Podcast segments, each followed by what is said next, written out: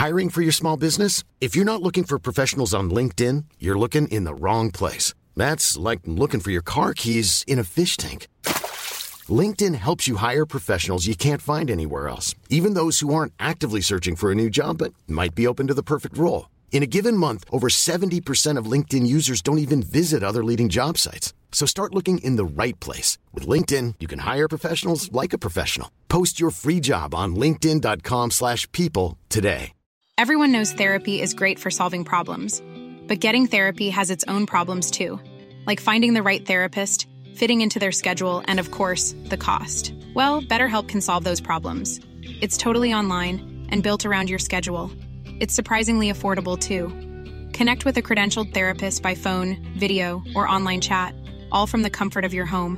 Visit betterhelp.com to learn more and save 10% on your first month.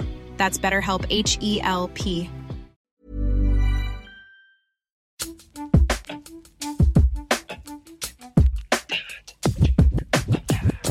Hej och välkomna till avsnitt 95 av den underbara podden.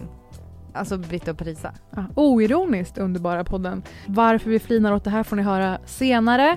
Det här är alltså podden som tar upp det mest brännande för oss inom kultur och samhällsfrågor varje vecka. Det är jag som är Parisa och den här veckan så tar jag upp olika vilsna sökare som vi har sett i debatten men också på intervjuprogram i veckan. Och sen så kommer jag att prata om gränslösa personer, på gott och ont. Mm. Välkomna. Progrens. Välkomna!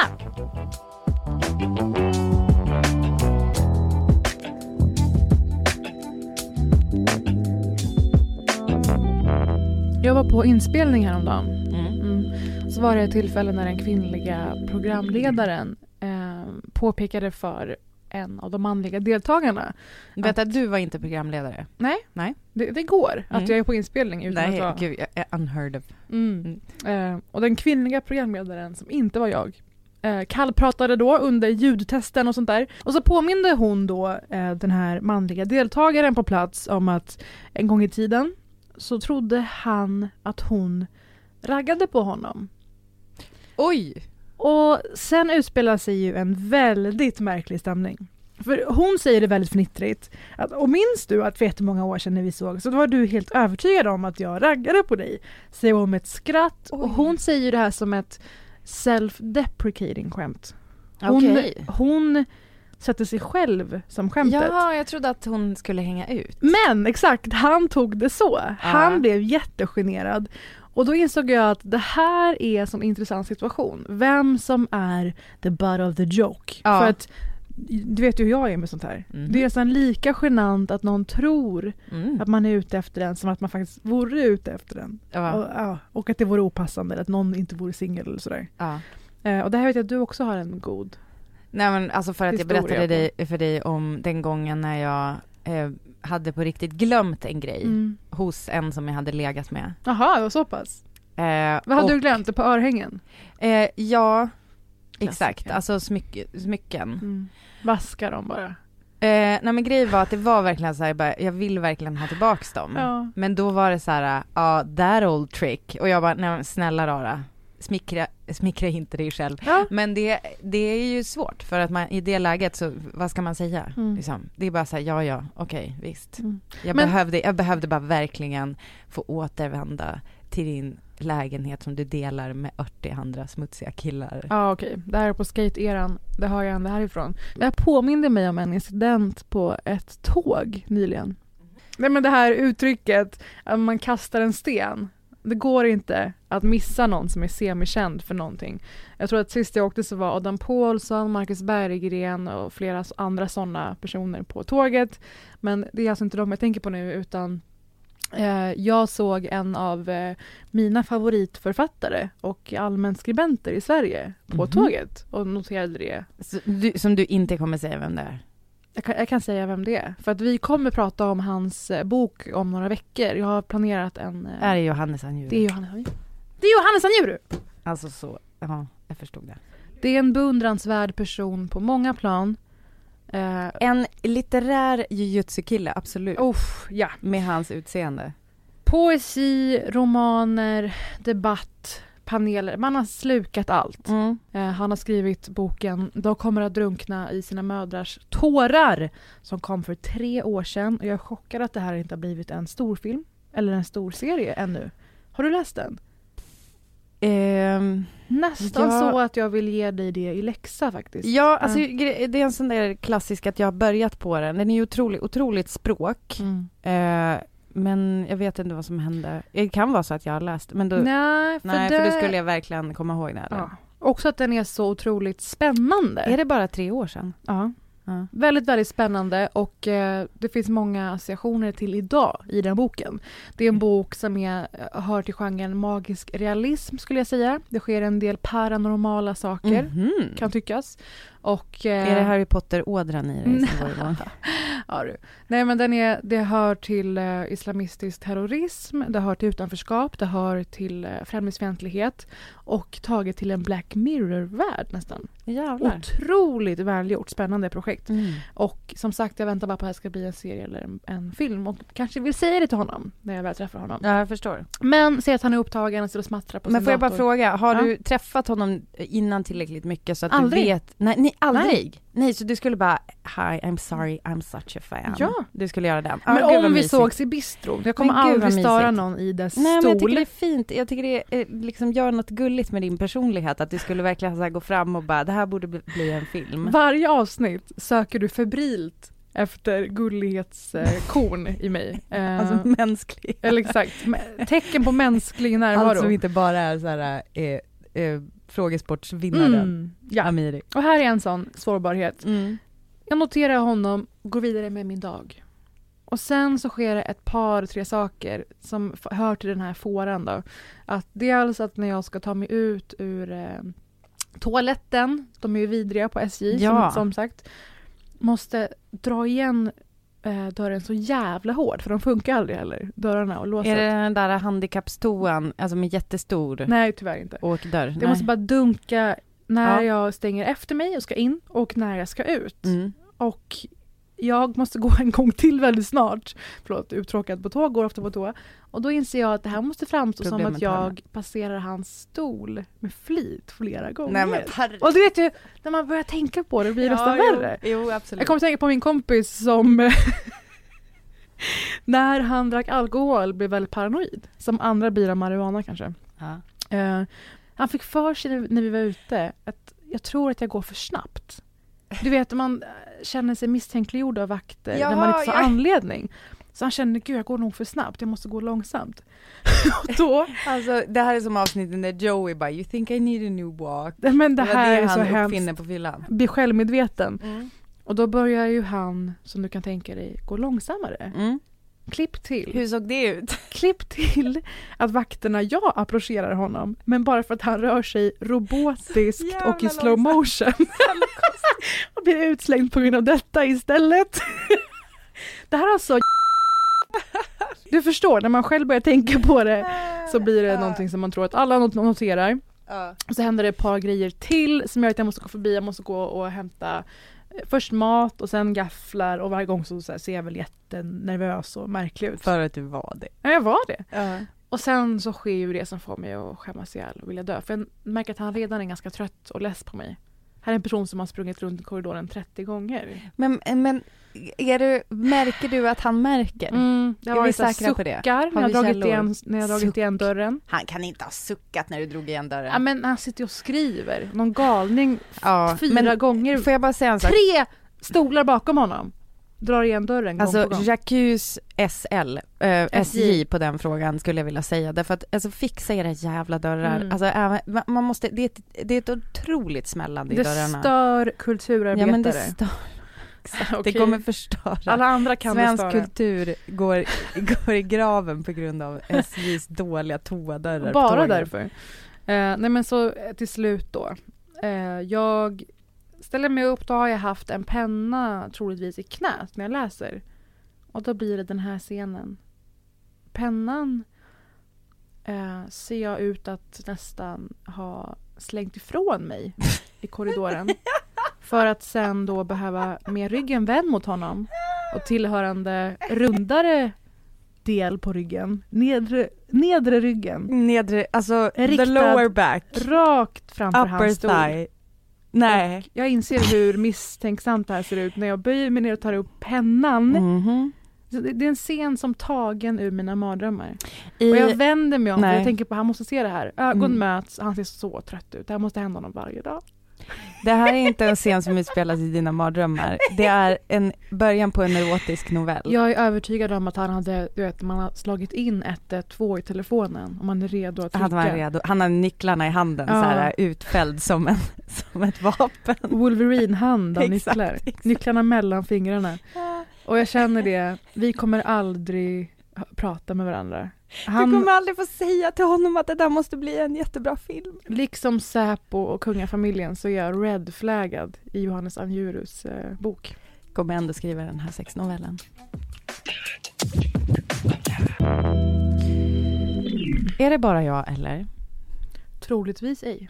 är folk för gränslösa nu för tiden? Du vet ju vem du pratar med. Du tycker alltid att det är för gränslöst, eller hur? Team, alltså om jag skulle starta ett parti idag, Gränspartiet. Och då menar jag inte nationella gränser. Vad menar du sociala? Mm. Ja, tack för det.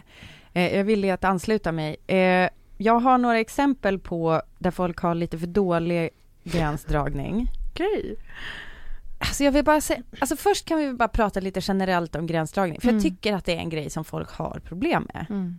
Alltså just att så här visa tydligt, det är som att vi, vi svenskar får ju väldigt mycket skit för att vi är, eh, men så här introverta och typ inte så, inte så chatty som amerikaner. Men vi är faktiskt väldigt så här, ehm, Alltså då skulle man ju kunna tänka sig att vi är typ väldigt, eh, har mycket integritet. Mm. Fast så är det ju fan inte alls. Utan det är som att vi kanske just för att vi är så dåliga på interaktioner med andra människor så låter vi folk eh, alltså man ska vara så trevlig som möjligt, Mm. få alla situationer att fungera och sådär.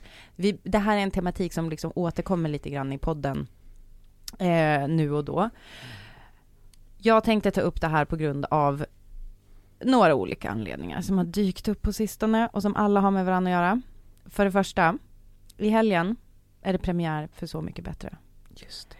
Jag kommer för första gången i livet att följa detta slaviskt. Jag med. Varför då? Ja men du vet ju. Benjamin Ingrosso. Du sa det. Mm, jag sa det. Och det är ju för dig, det får stå för dig. Du är så, alltså det, Han är en stjärna. Jag tycker att han är otroligt duktig verkligen. Och det säger jag inte bara för att han sjöng på min, eh, min På spåret-final. Min. Eh, Jag tycker att han har gjort en jätteintressant resa senaste åren. Och sen älskade jag hans eh, cover på Amazons Kelly. Ja just det, den har du spelat för mig. Ja. Otrolig, Mm. verkligen. Men också spännande att se honom i det mötet med mer, eh, inte etablerade men mer konventionella artister. Så kan vi säga. Låt mig berätta line-upen. Eh, Benjamin Ingrosso har vi sagt. Helen Sjöholm, Kristina från Du Duvemåla. är min man. Alltså, otrolig röst. Ja. Jag kan, jag kan absolut googla klipp på Helen Sjöholm på Youtube när jag vill känna mig bättre. Lisa Nilsson, Ja. Alltså en Men- sån jävla gigant. Lisa Nilsson också, det finns, ett visst släktband med Mariah Carey som vi pratade om förra Ja. veckan. Mycket karaktär, mycket personlighet. Ja, det, jag vet inte så mycket om henne, men det, jag ser fram emot att På se det. Instagram har Lisa Nilsson ett antingen running gag eller en alternativ persona så som Sara Danius hade. Att hon eh, etiketterar sig själv som frugan på något sätt. Som att, Mhm. men som att driva med att leva själv och sådär. Alltså, ja, idag har frugan gjort det ena och det andra och idag har frugan, hon verkar ha saker för sig. Så kan jag säga om Lisa Nilsson. Gud vad intressant, det där, Mm. jag kommer återkomma till det där. Mm. Eh, nästa person, Jakob Hellman. Intressant. Spontant, bara, vara, vara vänner, är det han? Spontant, övervintrade mediemän Men är det han? grät lyckotårar över det här announcementet. Ja, absolut. Markus Krunegård, Spännande! Lilly och Susi, Päivärinta. Nu hittar du på. Nej, jag hittar inte Har på. de samma efternamn? Eh, de är tvillingar. Skulle jag aldrig ha gissat. Okej, nu blir det tydligt att det är åtta år mellan oss. Loreen Nej, och ska, hon, ska Loreen hitta ännu ett nytt sätt att sjunga Euphoria på? New Kid. New Vänta. Kid. Kan, vänta, New Kid, det räcker inte med en boybandkille. Det här är mitt liv. Ja, sen, okej, Plura, Mm. Silvana Imam, Tommy Körberg, Stove Styrke.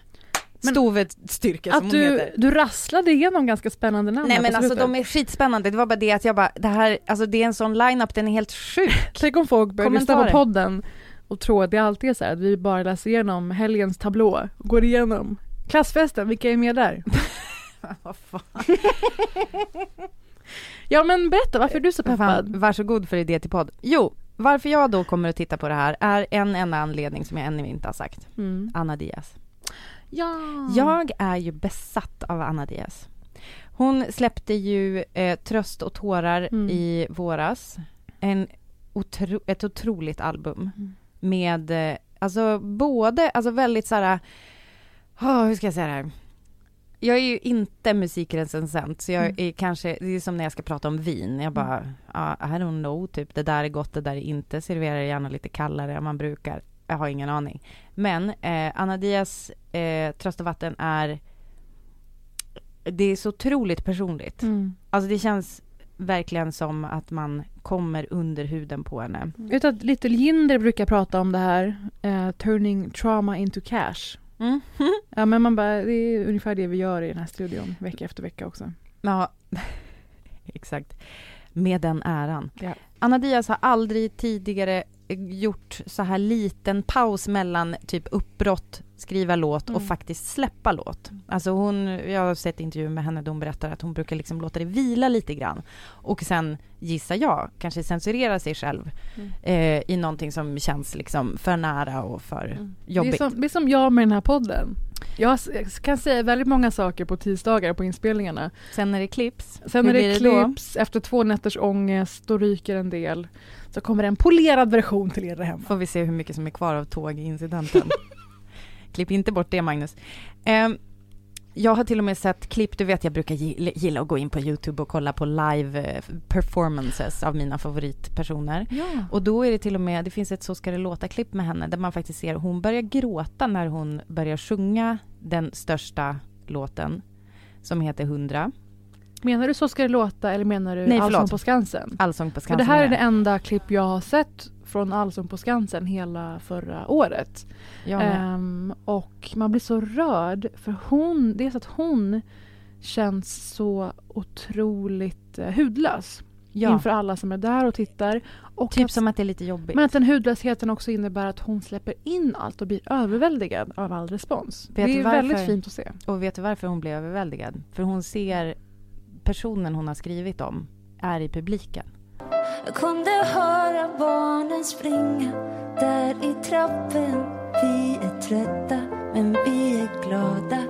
Jävla ungar men de är våra. Fan vad fina. Ska de inte sova snart?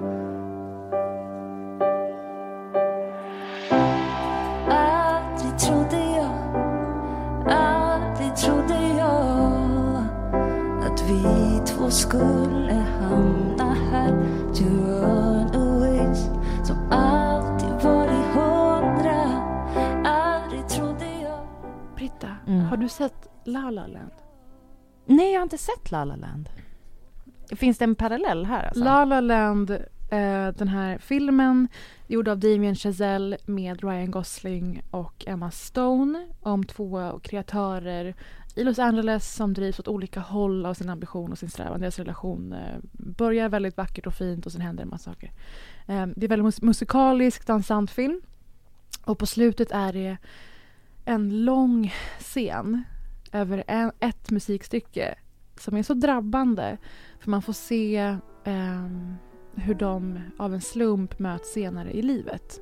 Mhm. Den är så fruktansvärt vacker verkligen.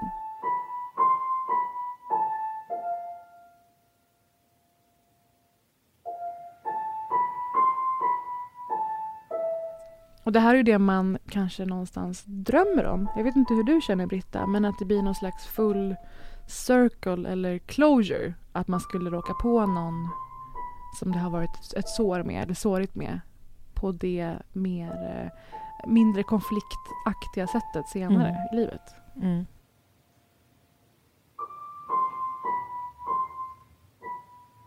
Men var, var har hon sagt det här? Det var en kvällstidning som intervjuade henne angående det här. Och då berättar hon att hon visste att personen skulle vara där. Hon säger hen för övrigt. Mhm. Eh, vet inte vad det spelar för roll, men, eh, men hon blev ändå överväldigad Mm. av att se ansiktet. Och ehm, i den här känsliga, känsliga låten som jag är helt besatt av, jag kan inte lyssna på ja, men typ en enda ton utan Mm. att börja böla. Och jag vet inte riktigt varför, men det är någonting med Eh, alltså Anna Diaz är 43 år. Mm. Eh, hon sjunger om en relation som hon hade kanske drömt om skulle resultera i barn och hon Mm. målar upp så fint när de sitter på en semesterresa och hör barnen springa i trappen. Jävla ungar. Jag, kan, jag börjar gråta. Va, jävla ungar, vad de är fina. Ska de Nej. inte sova snart? Ja, exakt. Och jag Och älskar de är, att hon har de med... är våra. De är våra. Jag älskar att hon har med det, den lilla tankeskiftningen. För den visar så mycket när man är mitt i livet. Ja. Att då går ju det där ihop bara. Att man slås av ah, att, de är, att vad fina de är, att de är våra. Mm. Och sen direkt till, ska de inte sova snart? Exakt. Det är genialt verkligen. det, alltså det, är, det är ingenting annat än ren jävla Nu gråter vi magi. två. Ja, hon avslutar ju låten med att hon kan se eh, deras dotter. Mm. Ehm, och jag tror att det är det också som på något sätt mm, kanske varför jag blir så drabbad. För att jag har haft alla de här tankarna för jag var ju gravid innan jag fick Essa. Mm. Och att eh, under, det var bara ett par, tre månader, men under den tiden så tänkte ju jag om det kanske skulle bli så för mig, Mm. att jag inte kunde få barn. Eh, Anna Diaz handlar ju mer om en, en relation där hon kände att det var inte den här personen hon skulle ha de här barnen med. För hon sjunger ju att hon inte trodde att det var hon som skulle gå. Mm. Och eh, jag hoppas, jag vill bara slänga in den här, att eh, deltagarna i Så mycket bättre har den goda smaken att eh, kanske också välja med lite omsorg. Jag ser inte riktigt att Benjamin Ingrosso kanske är den som ska göra, som tolkar den här låten, utan hellre någon god bit som typ Lisa Nilsson, Mm. som kanske har men som kanske kan så relatera och fylla den här med liksom det djupet och den känslan som det förtjänar. Ja, Men det ser man verkligen eh, fram emot att se. Verkligen. Men sen också vad Anna Diaz gör av Benjamin Ingrosso.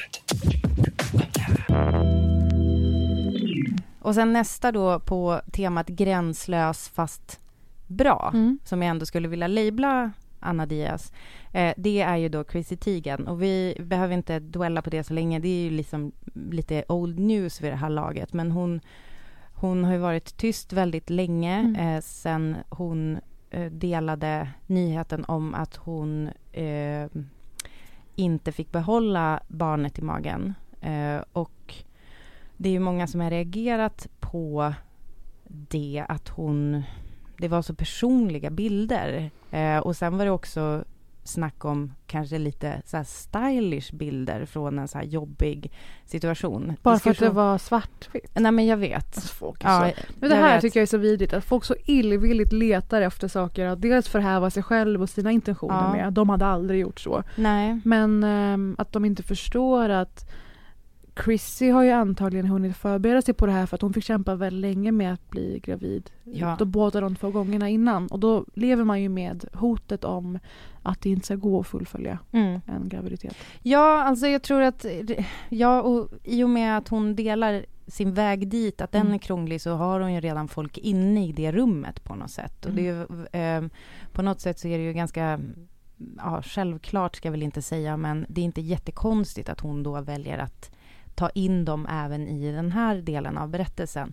Eh, det som jag känner lite med Chrissy och faktiskt också med Anna Diaz, det är lite så här, förtjänar vi? Typ, Mm. förtjänar vi det här? Förtjänar vi att få vara i det här rummet med det här jätteprivata och jättekänsliga? Samtidigt så tror jag att det såklart hjälper väldigt många. Jag tror att det är jättetrösterikt.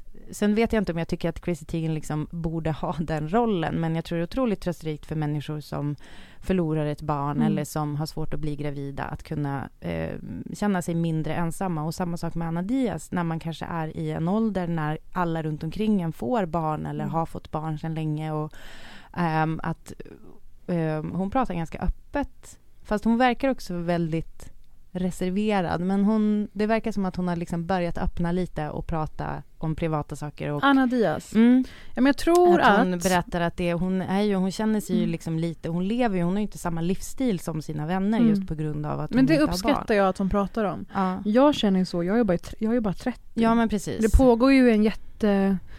Vänner flyr in, flyr in eller försvinner in i familjeliv. mm. Jag är lite eh, dubbel kring vad jag tolkar det där som. mm. Att man gör det till hela sin person, hela sin eh, agenda. Ehm, men jag uppskattar att Anna Diaz pratar om, alltså vi ser en vuxen person prata om relationer och heartbreaks. Att det inte bara är Britney Spears-aktiga karaktärer.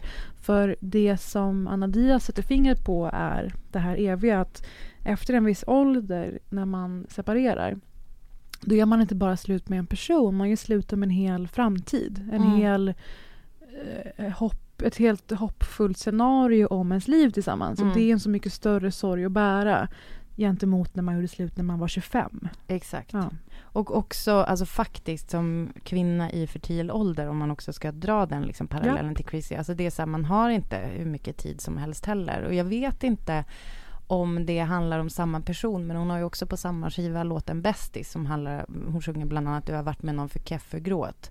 Alltså det kan ju också vara så att det var så här good on you att den relationen inte längre är där. Det kan ju Mm. ha varit ren självbevarelsedrift men ändå kan man ju få sörja. Ja. Och det, jag tycker, precis som du är på det, att det är så, också så mycket mer intressant att höra, nu är jag väldigt tydligt målgrupp, men just att höra komplexiteten som finns i, den, alltså i relationen när man Mm. kanske, när det är något annat än typ en liten crush. Sen så skulle jag vilja gå vidare då till dålig, eh, dåliga exempel på gränslöshet. Mhm. Ja, eh, därför att det var en text i helgen som Andre Walden hade skrivit. Ja okej, för han är väl allmänt omfamnad för sina ganska långa texter i DN. Ja, precis. Ja. Eh, han skrev en text som blev väldigt delad i somras som handlade om hans, just, just hans motstånd att skriva. Mm. Eh, som väldigt många skrivande människor som jag känner delade och att han verkligen så ringade in det där med att pusha deadlinen framför sig hela tiden och sådär.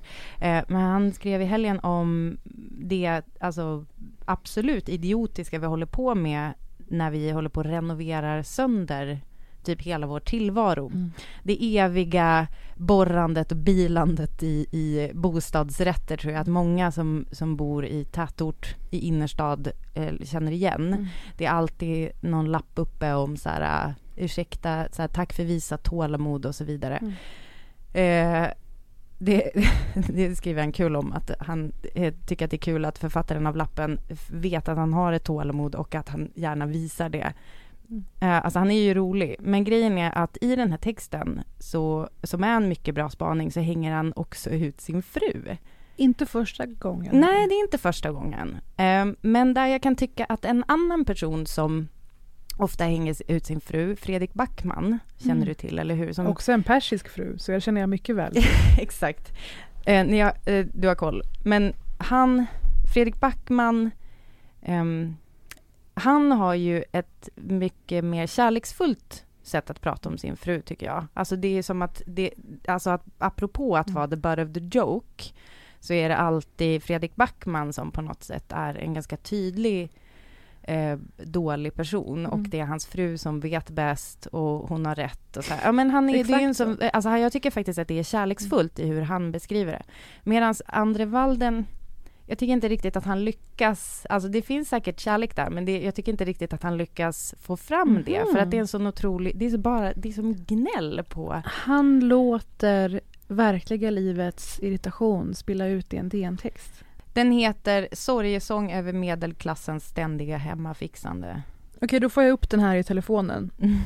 Okej, det första jag eh, stöter emot här Mm. är när han eh, citerar henne. Tänk om du vore mer som han eller han, säger hon och ångar av avund. Tänk om du brydde dig om din familj och ditt hem som Jonas eller Niklas gör. Det är ett trick hon har. De två små linjerna hon drar mellan hemsnickrandet och kärleken till familjen. Det är lite syrligt. Det är lite syrligt. Och sen då, men, men samtidigt så där kan man ju tycka på något sätt att hon blir en karaktär som, ja men att hon kanske får säga då det där med att han inte bryr sig tillräckligt mycket om familjen. Men vad bryr sig hon om då? Jo, till exempel så skriver han så här. En dag försvinner en dansk apa av trä för att den känns trött. En annan dag står det färgade ljus i stakarna på köksbordet. Vi brukar väl ha vita ljus, säger jag och ryggar tillbaka för jag finner det mörkgrå vaxet hedonistiskt på något sätt. Som om det plötsligt bodde satanister eller swingers i lägenheten. Alla har färgade ljus nu, säger hon. Mest för att lugna mig, men det är inte bara nyansen utan också förändringen som oroar mig. Alltså jag tror att han, han menar att skriva om sig själv, att det är alltså han som är trög och inte gillar förändringar. Men jag tycker liksom att i vägen dit så tycker jag att han hänger ut henne så mycket och just det där att hon får vara ansvarig för den här sjuka grejen som alla faktiskt håller på med. Att man liksom håller på och grejar och renoverar fast det inte behövs. Så jag tror också att eh, det är en... Alltså jag menar, jag är ju ytterst skyldig här själv, ska jag Mm. säga. Eh, Jag är inte omedveten om det. Eh, Men om jag bara ska stanna vid det här, alla gör så här nu. Ja men exakt, jag tycker Du det är så tycker trött att det- grej att säga. du Alla gör det. Du tycker Vem- att uthänget är som att hon målas upp som en ytlig, ängslig Ja. person? Ja. Och jag tänker så här, jag tror att Alltså särskilt så här det senaste året här så, så är det så här, vi vistas ju också mer i våra hem. Det känns ju på något sätt som att det är första gången som den här spaningen kanske känns lite trött. För att så här, Mm. vi, vi, vi är ju, det är ju där vi är hela tiden. Det är inte så konstigt om det är något som känns skavigt. Men när var det Henry Schyfferts eh, Ljust och fräscht Ja, kom det är egentligen? ju det är det jag tänker på. sedan. Det är Ja. exakt samma spaning. Ja. Och män har slagit mynt av detta sedan dess. Jag tror att det är typ på riktigt så här nio år sedan. Ja. Nej men jag hittar en annan grej här också när han eh, beskriver, det är något skumt som pågår, en patologisk individualism. Eh, ibland vill jag bara öppna dörren och skrika något, skaffa en personlighet. Det finns ingen hantverkare som kan bygga den åt dig. Så det är absolut ett uppbyggt förakt som läcker ut i den här krönikan. Eh, det kan jag se och det kan jag förstå vad du menar. Sen är jag en person som i mig tycker att det är en ängslig strävan som pågår. Det Mm. är en eh, dragkamp i att ha rätt och vara rätt som är ganska tröttsam och som är väldigt utbredd. Och kvinnor tenderar ju oftare att eh, ägna sin tid åt synliga eh, investeringar. Vare sig det är utseende eh, som shopping och liknande eller barnaccessoarer, att deras barn har rätt barnvagn. Barnaccessoarer. Herregud Barn- vad jag Barnportfölj. aldrig vill höra igen vilken barnvagn som är mest stylish. För de, och att de kostar tydligen ibland över 10 000 kronor. Ja, ja. Det är, det är det sorgligaste jag har hört. Mm. Och sen, men synliga investeringar. Och jag förstår att det i många ögon alltid är lika med lägre status. Men jag tycker att det är en stor, det tycker du också, det är en stor trend som jag tror slukar mångas tid och, och skapar mycket osäkerhet. Ja, jag tycker, alltså grejen är den att jag tycker det är liksom lite som det här med så här modebloggandet, att gör inte ner saker bara för att det är så här, Mm. det kvinnor ägnar sig åt. Eh, det är, jag, alltså på riktigt så, jag kan förstå att det känns som en ytlig grej, men jag tror just som är väldigt så här, har blivit helt okej rumsrent att prata om i USA, det här med self-care. Så kan jag tycka också att just hur vi har det runt omkring oss är inte längre liksom bara någonting Alltså typ så här, det här är trendigt nu och jag har så svårt att se, men jag, jag vet inte om det är för att jag har så dålig kontakt med verkligheten, men jag har så svårt att se att någon på allvar säger så här, alla har så här nu. Jag tror att man istället känner så här, jag är sugen på eh, typ att det ska vara lite mjukare här hemma. Jag vill att det ska vara lite mer ombonat. Jag tror att det kommer från mycket mer så här känslomässiga argument. Mm. Och därför så tycker jag att det är taskigt att göra ner det eh, till att det bara handlar om, eh, ja men typ att vara rätt eller att vara liksom cool. Det eh, tror jag dock också existerar. Jag håller med dig om det här med välmående och Mm. att miljön vi är i är så viktig för hur vi mår. Ja men vi är ju hemma så fucking mycket. Ja. Alltså, så här, ge din Men fru sen- ett jävla break. Hon försöker bara göra det fint där ni vistas håller med om det också. Men sen tiden. finns det ju tveklöst personer som spiller över hela sina liv i att ha dem, den uppsättning köpta saker i sitt hem eller sitt liv för att finna någon slags personlighet.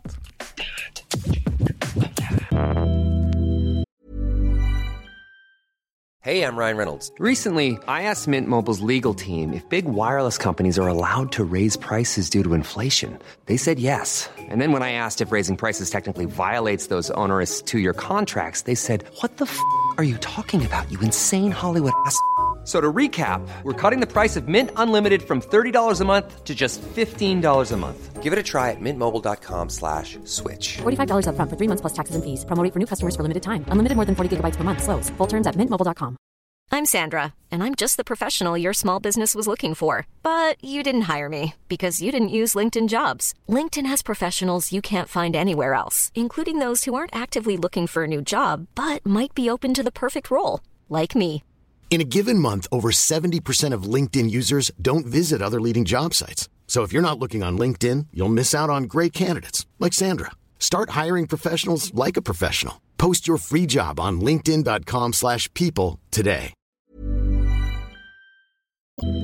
Mitt sista exempel här på gränslöshet, och det är en till dålig sådan, Mhm. tycker jag. Ehm, det är faktiskt ett väldigt eh, omdiskuterat tjafs som eh, vi inte har tagit upp med flit tidigare. Kul. För att jag visste, jag, eh, jag har liksom lite grann känt att det inte kändes eh, helt fräscht att ta upp eh, det är ett poddbråk Mm. kan man säga. Det finns.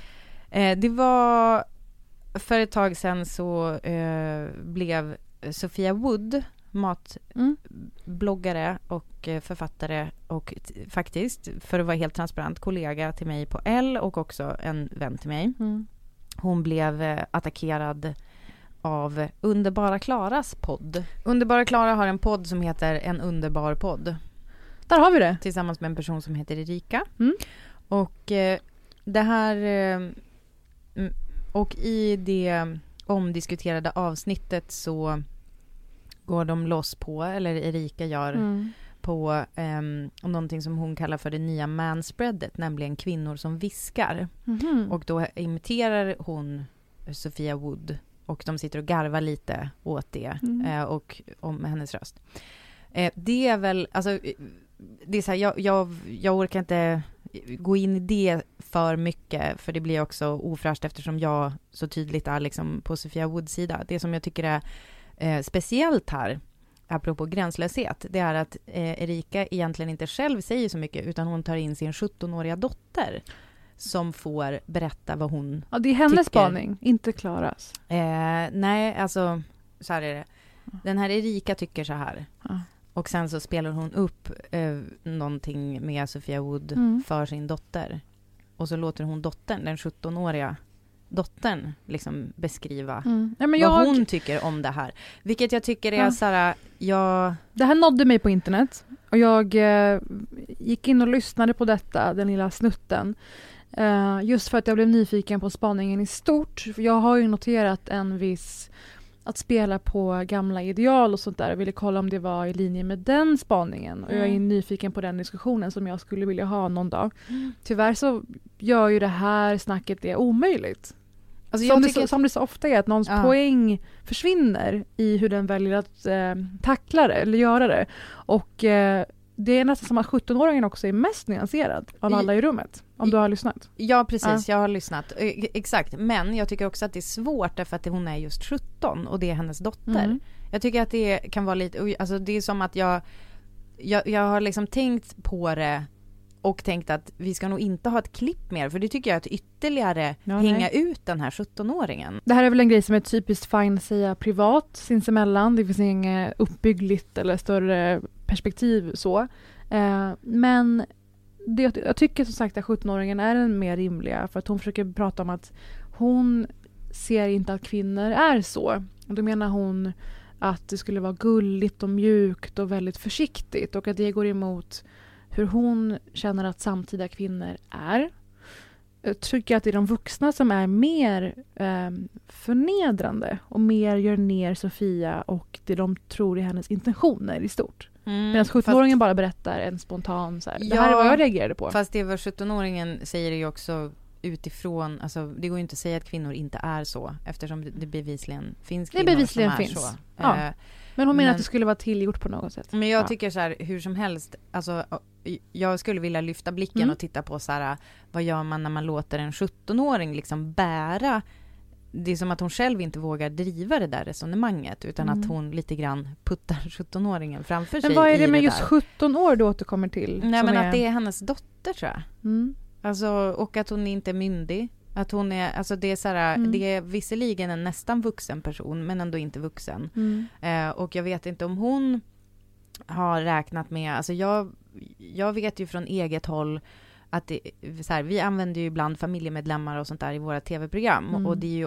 ofta så är det ju liksom lite svårt att göra eh, liksom bedömningen, kommer den här personen att trivas med att ha, få, liksom stå framför kameran på det här sättet Mm. sen när alla tittar på tv och kanske säger det eller sen har ju vi så himla harmlösa program, alltså det är ju bara det är ingen som säger något taskigt eller Mm. hänger ut någon sådär eh, förutom vi själva så att det är ju inte så stor grej. Däremot så det här fick ju enorm uppmärksamhet Ja. på internet Mm. och jag vet inte om den här om den här 17-åringen liksom, om det är rätt att, att hon ska få bära det. Liksom, Nej, hoppas jag verkligen inte.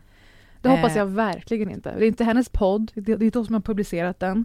Det är inte hon som tar initiativ till konversationen. Så absolut inte, verkligen inte. Eller har det varit så? Nej. Ja, men, eh, alltså, du menar om hon har fått någon skit för det? Ja, Nej, nej men alltså Nej. du vet. det är eh, ut, de som har gett ut den som Ja, är i ja, fokus. gud ja. Men jag tänker så här, nej men jag tänker bara liksom omdömet i att låta sin dotter bära det man själv kanske vill kritisera. det är Förstår du? speciellt. Det är dels det att det är ett är hired gun man tar in. Ja, exakt. Eh, dels att man inte tänker på att det här kan ju gå så långt att bli ganska obehagligt för 17-åringen. Jag hoppas jag att det inte har blivit så. För nu tror inte jag Sofia Wood har sådana huliganföljare som kan tänkas leta upp och eh, göra ner 17-åringen i sin tur. Det hoppas jag verkligen inte. Men risken finns ju alltid. När man exponerar Kanske någon för the big bad internet. En britårta, en, ja, jag kan inte sådana här ord alls. Någonting med ricotta. Vad gör folk? Alltså folk lägger ricotta på ett fat, strösslar lite frön över och då är det en maträtt. Jaha. Absolut. Så, Det är som att du gissar ta, mat nu. ta mina pengar. Det här är ett nytt format, Ja. Parisa gissar mat. jag antar att Är det en här en maträtt. maträtt? Är det här en mat? Alltså som Will it float på Mm. David Letterman, Eller- fast det är så här, Här är det har jag mat? lagt tomater på ett fat och haft lite olivolja på. Det är absolut. Det är en sidorätt! Lägg av!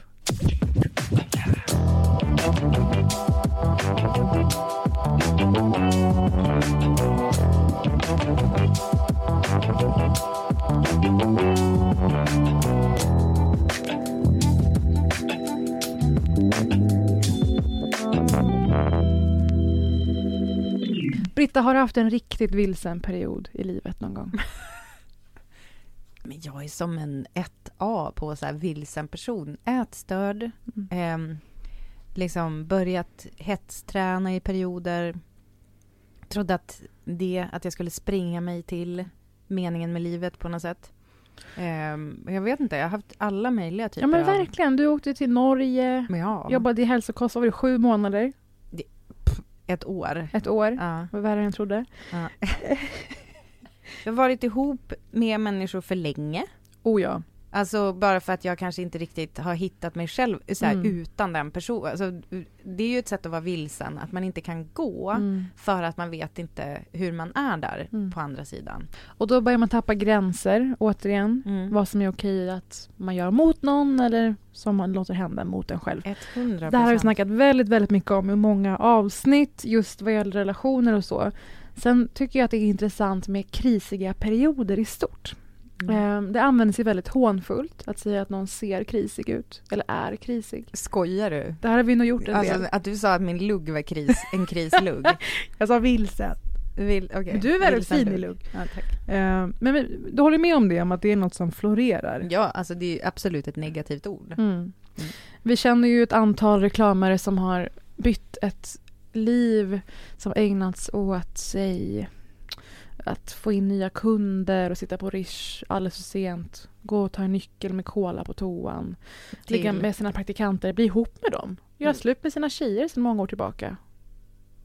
Ska jag säga ett namn? Nej. Nej, jag, jag höll på att säga, alltså ä- när du var inne på reklamare Mm. så trodde jag du skulle säga så här, reklamare som har bytt sitt liv mot kanske att köpa en gård.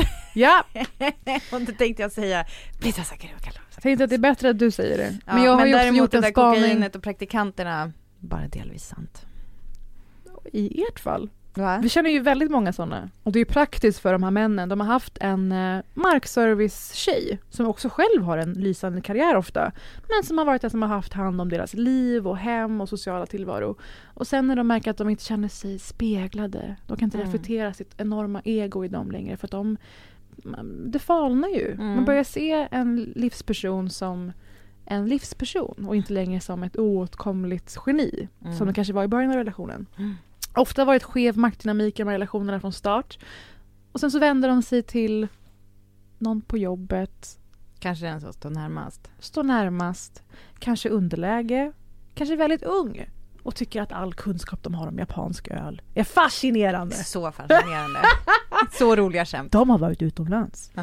Ehm, ja, så ser det ut. Och så oftast når de en punkt där de märker att det här är själlöst och tomt och då köper de en riktigt dyr cykel och går med i någon slags eh, Att det var fightbox-sammanhang. där det hamnade? Ja, Okej, okej, okej. Att de växlar liv. De Ja. köper all dyr vandringsutrustning inför Mm. sin allra första gång. Det här får sen stå i några jävla förråd. Det hade ju varit mer hållbart för miljön om de hade skaffat sig en ätstörning där skulle jag ty- kunna tycka. Vi pratade ju om det här i samband med Paolo Roberto. Kvinnor väljer så mycket mer självspäkande, Mm. destruktiva Kvinnor Metoder. introvert, män extrovert. Ja. Men det är 30 plus tillvaro som skaver. Man kanske har jagat fel mål hela livet. Och vi, ju, vi pratar ju ibland om att man måste kunna göra den utvärderingen. Jag gillar mer att prata om utvärdering än kris. Men eh, faktum är att det någonstans är en kris. Ehm, och du har växlat om många gånger. Inte bara att ni bor någon annanstans nu utan du har också bytt karriärsbana och så. Varit väldigt framgångsrik med det. Ehm, jag börjar ju närma mig någon pubertet nu nästan. Jag har alltid varit så himla pliktskyldig och duktig och självutplånande i alla år. Tills, tills för kanske två år sedan bara. Jag ska leva för mig-åren. Mm. Så det blev en pandemi på det. och då tänkte på din improviseringskurs som ett exempel. Impro. Ja. Ja. Jajamän. Men, att, Den gick jag. Men man måste ju testa sig själv ibland för Mm. att se var man passar. Ibland måste man låtsas att det finns en dörr i luften Mm. och kliva in på en bar som inte finns, men Mm. mima den baren för att hitta sig själv. Mm. Och här är du idag. Andra vänder sig till att skaffa sig en väldigt stark övertygelse. Eller hur? Mm. De blir eh, nykterister i något år, ofta. De kanske blir eh, jätteintresserade av kemikalier i jordmånen. Ja, ja, ja, plast. Ja. Ehm, och så tänker jag på J.K. Rowling här Mhm. som verkar ha dedikerat sitt liv och gärning numera åt att förnedra och förgöra transpersoner. Ja. Ja, det vaknade hon en dag och kände att jag, jag saknar en krydda i mitt liv. Mm. Och det är att pissa på en redan fruktansvärt utsatt grupp och dra ner feminismen i det. Men menar du att det är att hon kommer ut på andra sidan krisen? För det skulle ju också I kunna kris. vara så. Ja, precis. Det Mm. är i kris. Ja. Eh, och på tal om det, SNL har ju börjat igen. Saturday Ja. Night. Ursäkta, Issa Rae och Justin Bieber. Åh, förlåt, jag förlät jag sådär precis. Men för, det är ju väldigt eh, Det är så det viktigt känns, för mig. Parisa. När, när ingen spelas, då är det tårar hemma hos Mm. mig. Jag kan, jag kan spela in det nästa gång. Mm. Ja, absolut. Eh, och där var det Pete Davidson faktiskt, av alla, som var den som la den bästa burnen kring vad J.K. Rowling, alltså Harry Potters mamma-ish, håller på med. I mean, what's wrong with her, Colin? She creates a seven book fantasy series about all types of mythical creatures living in harmony with wizards and elves, and the one thing she can't wrap her head around is Laverne Cox? She's a national treasure. She's a national treasure! Och det här gäller ju, det här är så bra satir, eller det här är så bra drift med alla som kan fascinera sig eller som kan eh, inbilla sig i andra världar men inte fatta så här rudimentala saker. Star Wars är en sån sak att när eh, älskade Carrie Fisher som spelar Leia Organa påpekade för George Lucas att så, varför ska jag inte ha underkläder på mig i den här dräkten jag har? Och han bara, uh, there is no underwear in space. Oknullade tönt, George Lucas. Vidare. Varför jag pratar om det här är plötsligt är för att jag vill prata om sökare och diskutera med dig två sökare, Oh. självutnämnda sådana, från veckan. Nu kör vi. Okej, ett flyktbeteende av många utöver det här med att skaffa sig dyra espressovanor eller intresserad av gröda eller kanske skaffa sig en dyr cykel. Ehm, sex kan ju också vara ett flyktbeteende. Vi har ägnat många programtimmar åt att prata om hur viktigt det är med sex och normer. Specifikt i och med att många kvinnor verkar det som gör saker de inte trivs med, bekväma med och till och med lider av sexuellt. Och det är ju eh, hela vår gärning att upplysa folk om att det inte ska vara så, skulle jag vilja säga. Det, så vi är absolut sexpositiva på så sätt. På så sätt att vi tycker att man måste bejaka sin orgasm. Och framförallt inte stå ut med skit. Mm. Och, eh, och på andra sidan spektrat av detta är ju det som du lite snabbt kastade en liten snabb känga åt sist. Mm. Tantra. Mm. Vad är det med tantra som gör dig så fnissig? Eh, det är hela kulturen runt omkring. Jag skulle vilja säga främst estetiken. Mm. Kanske att det är eh, väldigt luftiga kläder i eh, naturmaterial. Mm. Är det indiska, haremsbyxa, rökelse? Jajamän. Allt, all of the above. Jag tänker på vita män med dreads. Absolut, det kan förekomma. Jag tänker också att, ja, alltså jag har ju ägnat mig åt capoeira. Just det. Det känns På inte helt om- långt bort. Capoeira kanske är, det borde vara, det borde slå ihop med tantra eftersom man ägnar liksom skitlång tid åt att inte ta i varandra fast ändå liksom har väldigt luftiga vita kläder. Som, Mm. Just det. Vi pratade om tantra sist i och med pappa-retreat-snacket. Mm. Att det känns så innerligt och ska vara så himla eh, långsamt och det, Mm. det gjorde dig illa till mods i teorin. Mm. Du har inte varit med om något slags eh, motsvarande. Tantra? Men du har ju, du har ju varit på såna här, eh, i och med era, era programserier, Ja, ja, ja. runt folk som kanske idkar på det här Ja, sättet. men verkligen. Alltså jag måste säga, Mm. jag är egentligen för det här med att man tittar varann djupt i ögonen och delar med sig av känslor och sånt där. Mm. Vi gjorde ju ett avsnitt där vi var i Molkom på ett sånt här typ eh, läger där man Mm. ska komma djupt till sitt inre. Och det Hemskt. är, nej men alltså på riktigt, jag, jag är ju inte den, vi pratade ju om det off mic innan, att så här, jag har ju embraceat min inre hippie. Mm. Jag, jag skäms inte för att, väl, alltså, det är väldigt få saker som jag skäms för. Jag är väldigt lätt att släppa sargen och i det där bara dök rakt in. Jag vet att gångmeditation är det Mm. bästa, bästa sättet att slappna av. Jag vet det. Så att jag, jag är liksom, jag tycker att jag på grund av att jag ändå omfamnar det och Mm. omfamnar effekten av det ändå får göra mig lustig över att det är ganska Exakt. töntig estetik. Ja. Att det var en människa, alltså i det där avsnittet som vi spelade in i Molkom, då var det ju en människa som satt och liksom slickade på ett, en egen täljd träflöjt. Så det, alltså det såg ut som att han bara ville visa eh, typ hur han skulle slicka en tjej om han fick komma nära. Det, den, det, tror så det, här- det förkroppsligar hela tantra-grejen för mig. Jag tror de här, många människor söker sig till de här miljöerna för att de har ett enormt sex och bekräftelsebehov och att här får de sakerna flöda fritt under en annan etikett än sexmissbruk. och eh, jag ska prata om det här i med en intervju som var i veckan som var fascinerande. Jag tycker att det är intressant att man gör andlighet av sex. Man pratar om eh, sexuell energi, man pratar om olika chakran och liknande och hur, hur lösgörande och ögonöppnande det kan vara att göra sådana sexriter. Och allt det här är ju bara ett pseudovetenskapligt sätt att prata om hur eh, bra det kan vara att få ligga. Ja, exakt vad jag tänkte säga. Ja. Alltså det är ju som att göra rumsrent och få bryta ner det i minsta beståndsdel. Ja, och det här är ju en bekräftelse, man känner sig eftertraktad, åtrådd, vi behöver det. Men då ligger fortfarande källan till välmående och självkänsla utanför en själv. Så det känner jag är lite red flag apropå det här. Eh, varför jag tar upp det här är för att ett namn som florerat en del, i alla fall i mina chattgrupper, och som tidigare fanns under bloggen Babyface, kom på en intervju till eh, självaste Malou.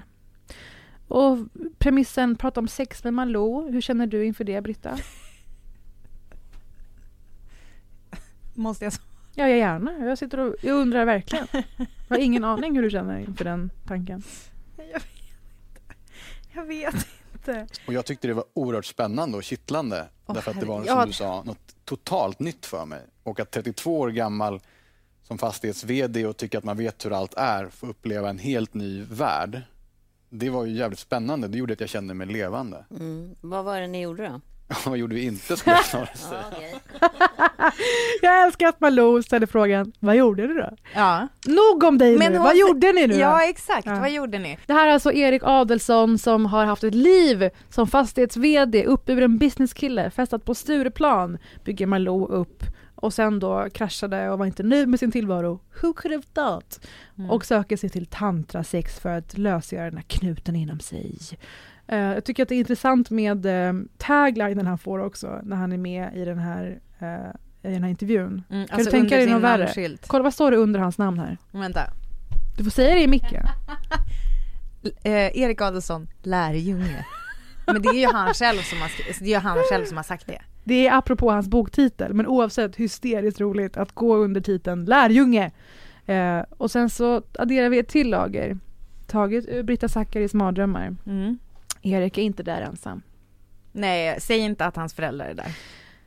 Och eh, Nej. du vet ju, märker jag, vem hans mamma är. Ja, Lena Adelsson Liljeroth. Som är Eh, ja, hon är ju moderat, hon är före detta kulturminister. före detta kultur och idrottsminister och eh, hon var en väldigt kritiserad minister också ska vi säga. Eh, hon var team att göra om kultur till underhållning vilket inte är välkommet av kultursfären så du kan föreställa dig. Så eh, Liv Strömquist gick ut, vilket blev sedan en citattavla, att eh, om man ska kalla kultur för underhållning tycker jag vi ska kalla Lena Adelsohn Liljeroth för blubby. Och det här blev ju väldigt, väldigt känt. Mm. Och det är alltså Lena. Så hon sitter med i studion när detta sker. Den här intervju om att hitta lycka i att resa spirituellt medels kroppsöppningar som Erik har gjort. Eh, och då ska vi se hur... Vänta. Det enda som hade kunnat vara värre är ju ifall Ulf Adelsson, pappa, hade varit där. Man anar ju att han inte är lika game med det hela. Det, det finns ju sidor som jag, när vi pratade med dig, att du inte ville läsa. Nej, det är ju så. Jag har inga problem att prata om sexualitet och jag har lättare att prata om sex med min dotter. Och det kanske har att Mm. göra med att vi är eh, samma kön än med Erik. Eh, Men att läsa om Eriks sexäventyr, det, det kände jag, där gick en absolut gräns för mig. Mm. För då blev det, som jag förklarade för dig, och jag tror att du förstod det, det blir incestuöst. Det Mm. här är någonting som jag inte har med att göra. Du har inte någonting att göra med mitt sexliv heller. Så att när jag fick... Ändå intressant. Rimlig person. Ja. Ja. Nej, men jag tycker att det var en bra approach av henne att inse att så här, man ska inte som förälder vara för investerad eller insatt. Ehm, och sen så är det ju intressant att hon är där. Mm. För jag tänker ju att enda sättet för honom att få tillgången till Malous bokköpande publik var att lov, utlova att min kända politikermamma kommer att sitta bredvid när jag pratar om olika sexuella spirituella resor. Mm, jag tänkte precis eh, föreslå att det här kanske ändå var, apropå gränsdragning, Mm. att hon ju drar en gräns där. Mm. Hon bara, jag behöver inte läsa det här. Men, men du sitter ändå där bredvid. Där har, vi det. där har vi det. Kofota sig in hos Malou helt enkelt, medelst sin mamma. Där har vi en sorts sökare. Nu har vi nästa. Förlåt, lärjunge menar du? Lärjunge. Vi har ju Kyle Rittenhouse, 17 år gammal, Ja. eh, vit makt ansluten person som sköt ihjäl två personer eh, under Black Lives Matter-protester i USA. Mm. Tveklöst ung, men kan Precis. ta ansvar för sina handlingar. Men där har det ju också lite att göra med brottet. Exakt. Klart att det svänger med med det. Mm. Att ha uttryckt sig hatfullt mot folkgrupper under hemligt ID på nätet under många, många år. Vad tycker Mm. du maxgränsen för att man ska kunna säga jag var ung då? Det var det. Ja, eh, det tycker jag eh, inte riktigt är okej. Jag har så svårt att se att Mm. den typen av grej liksom växer bort. Mm. Förstår du? Mm. Eh, och särskilt om man gör det under många år. Men jag är 30, till exempel. Jo, men om du har gjort det mellan att du är typ 23 till 28. Mm. Du- Nej. Du, tycker du att det är okej? Va? Tycker du att det är okej då? Nej, det är det jag menar. Alltså jag Ja. menar, du, det är ju inte... Så 22 är din slutsats? 21, amerikansk myndig. Amerikansk myndig, då har vi ett, en eh, hållpunkt. Mm. Varför jag tar upp det här, inte bara Fast för jag, att vill, jag... fast jag vill vara tydlig med, jag tycker ändå inte att Kyle Rittenhouse var okej. Exakt. Ja. Men bara för det här med att eh, sprida vidriga åsikter på nätet då, om vi pratar om det. Mm. Ehm, jag frågar inte det här bara för att jag själv är sugen på att eventuellt gå med i olika forum och börja Nej, jag köra med hemligt Jag ID. börjar gissa var det är på väg. Ja, vi pratar ju om en person som har kallat sig för rektor Hamid. Och DN, DN avslöjade i veckan att den här uppburna personen som har eh, dels uppdrag inom utbildningsväsendet och kommun och liknande och en känd debattör och också haft ett uppdrag för Moderaterna, intressant, har under hemligt namn i många, många år spridit grovt homofobiska och antisemitiska åsikter. Eh, och det finns några saker att peka på här. Om vi börjar med min ingång här med ålder så tycker jag att hans försvar efter att det här uppdagades är väldigt, väldigt intressant. Och det är någon slags cautionary tale, som man säger på engelska. Att man kan lära sig av det här för att akta sig för det här. Mm. Eh, att ibland gäller det bara att own up till vad man har gjort och vara vuxen och mogen eh, och visa på vad man kan. Mellan 28 och 33 års ålder uppdagas det att det här ska ha skett så sent som fram till 2015. Och när rektor Hamid ställs inför sina åsikter så säger han att detta var under en period i hans liv då han var ung och sökande. Och för att ni ska förstå hur grova åsikter detta äro så har jag några exempel. Han kallar folk på internet för Zionist Donkey, alltså sioniståsna. Mm. Eh, han pratar om att man har... Eh, han pratar om att homosexuella gifter sig i kyrkan. Fast benämner det, vad säger din herre om att välsigna sodomiter i hans kyrka? Eh, och kritiserar en del eh, präster som är öppna för detta med orden säger hen som har bögar som viger andra bögar i Jesu namn i kyrkan. Haha. Och liknande. Så det är ganska oraffinerat också. Mm, om det är någon som precis. bryr sig om verkshöjd så är det, det Det är också vi ju. vidrigt på så Mm. sätt. Eh, så det är inte Augustpris. det är inte lösryckta saker som att illvilligt tolkat som att vara homofobiska eller så, eller eh, antisemitiska, utan det är ganska hårt fört eh, det. Det är tydligt. Alltså, eh, jag vill också flika in, men du kanske kommer komma till det. Eh, vi skulle ju också kunna prata om så här, vid, alltså hur många år kan det ha gått Mm. innan man kan hävda att det var länge sedan? Mm. Eh, jag vet bättre nu. Jag tycker inte fem år riktigt är, det var jättelänge sedan. Vid tiden så hade han varit utredare på Skolinspektionen, rektor på Sjumilaskolan. 2018 utsågs han till Årets svensk av tidningen Fokus. Han har sommarpratat och som sagt oberoende expert i Moderaternas integrationskommission. Tills nyligen så var han barn och utbildningschef i Mullsjö. Och då, om vi återgår till hans eh, så kallade försvar, eller motangrepp, om det kanske är det det är, så menar han att den som är fri från synd är välkommen att kasta den första stenen. Mm. Och, då, menar, och då vill man säga, kan du hålla dig borta från det bibliska Mm. efter det du precis, Precis. har ertappats med, dels. Exakt. Först och främst, det är första poängerna från publi- publicisten som man inte har tyvärr. Och sen också att försöka få det till ett men du-läge. Ja. Jag tror inte att folk har gödslat ner på det här sättet. Det är inte riktigt så en ursäkt ser ut heller va? Nej men också, också utifrån sin position. Han är Mm. ingen vanlig privatperson. Eh, han får frågan Tror du att det är många andra rektorer som har åsikter om sioniståsnor, sionisthundar och sodomiter i kyrkan? Frågar DN. Och han svarar, du menar att rektorer skulle vara en särskild upphöjd yrkeskategori i samhället som är immuna gentemot den typen av åsikter? Alltså han Åh herregud. Alltså Han- så att ah, det handlar inte om ansvar, utan det handlar om, jag är också en människa. Jag tror att han, herregud. han körde på den här Ja. approachen i tron om att han skulle kunna teflonslingra sig ur det här så som vi har sett väldigt många göra ju Britta, Mm. i det här samhället av att det kallas för deplatforming eller cancel culture om någon visas ha såna här agendor eller åsikter och upphöjda positioner. Han är alltså rektor och alltså Mm. jobbar med barn och inte förstår att det här är helt oförenligt med det. Men en fråga här bara. Mm. Det var väl från typ hemliga konton Dessutom. också? Mm. Så att jag menar, om du gör det från ett hemligt konto, någonstans i och med det så säger ju det till alla andra Mm. att det var åsikter du, in- du visste var lite Mm. liksom kanske bäst att hålla i det dunkla. Mm. Så Men att det det är så- ju det som är, det är också det, på något sätt så blir det ju, alltså i och med det så ser det ju mer skyldig ut också. Mm. Men så då händer det ju två saker efter det här. Dels han blir av med sina uppdrag. Mm. Det, det tror inte jag han förväntade sig. Den här personen. Mullsjö kommuns skolchef Hamid Safar kommer få lämna sin roll som expert i Moderaternas integrationskommission. Skoldebattören och barn och utbildningschefen i Mullsjö kommun, Hamid Safar, stängs idag av från flera uppdrag efter hatkommentarer om judar och homosexuella på nätet. Bland andra Mullsjö kommun pausar hans arbete som utbildningschef. Nu är det klart hur SVT gör med de två avsnitt där Hamid Safar skulle ha medverkat i På spåret. SVT kom under veckan att spela in två helt nya program efter att de förra veckan beslutade att avsnitten där Hamid Safar medverkar inte går att sända, det skriver Aftonbladet. Det blir istället Sveriges Radio-profilerna Thomas Nordegren och Louise Epstein som kommer att ersätta Hamid Safar och Frida Boysen som han skulle ha tävlat med.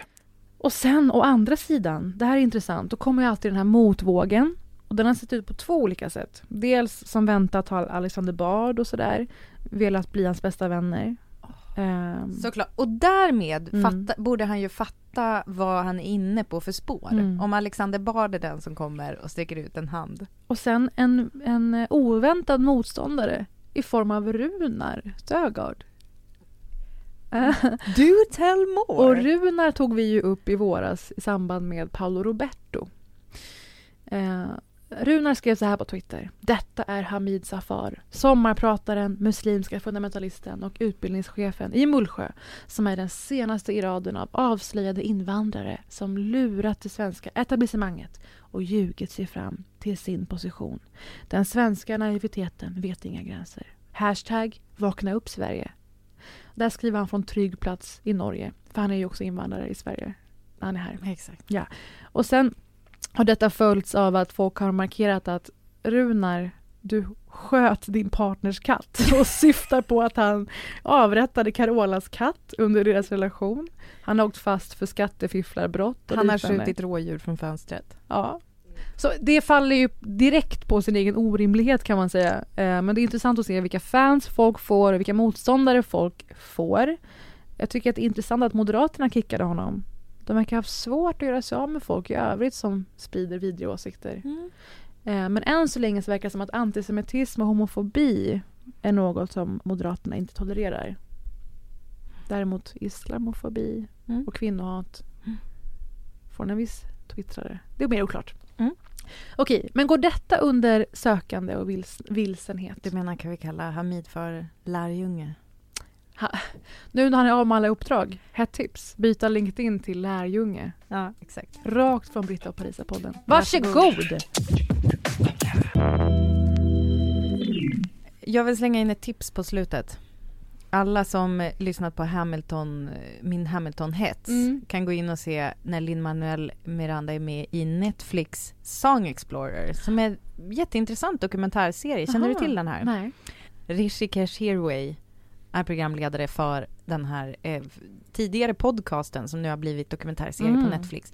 Och det var en lyssnare som tipsade om att det finns ett avsnitt med Lin-Manuel Miranda när han Mm. berättar exakt hur han skriver en av låtarna som är med i Hamilton tillsammans med sin eh, partner eh, Alex Lackmore och sen så är det också regissören för Hamilton pjäsen, jag kommer inte ihåg vad han heter just exakt Mm. just nu.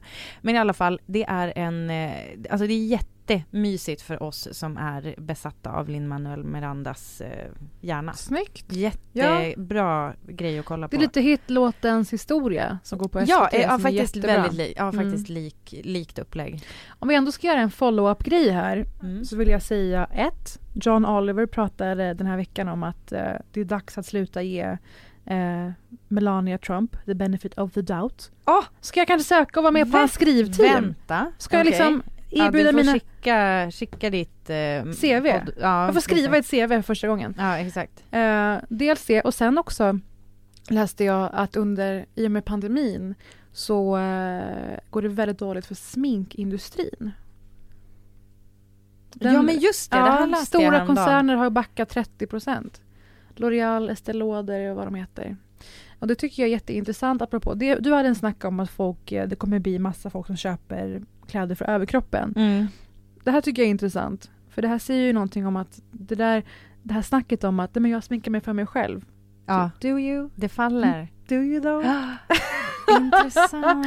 Så jag tycker att det är jätte... Kan vi inte bara vara ärliga med att vi gör det för att vi behöver någon slags maskering för omvärlden, för att vi är lärda att tro att porer är lika med man förtjänar att dö om man går runt med dem på stan.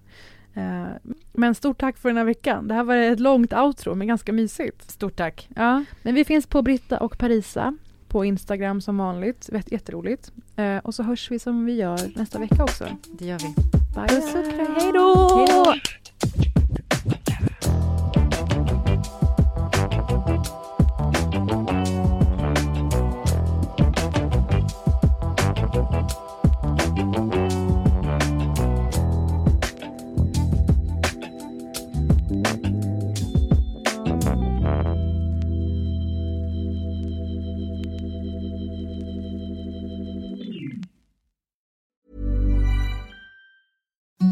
Imagine the softest sheets you've ever felt. Now imagine them getting even softer over time. That's what you'll feel with Bowl and Branch's organic cotton sheets. In a recent customer survey, 96% replied that Bowl and Branch sheets get softer with every wash. Start getting your best night's sleep in these sheets that get softer and softer for years to come. Try their sheets with a 30-night guarantee. Plus, get 15% off your first order at bowlandbranch.com. Code BUTTERY. Exclusions apply. See site for details. Planning for your next trip? Elevate your travel style with Quince. Quince has all the jet setting essentials you'll want for your next getaway, like European linen, premium luggage options, buttery soft Italian leather bags, and so much more. And is all priced at 50 to 80% less than similar brands. Plus, Quince only works with factories that use safe and ethical manufacturing practices. Pack your bags with high-quality essentials you'll be wearing for vacations to come with Quince. Go to quince.com slash pack for free shipping and 365-day returns.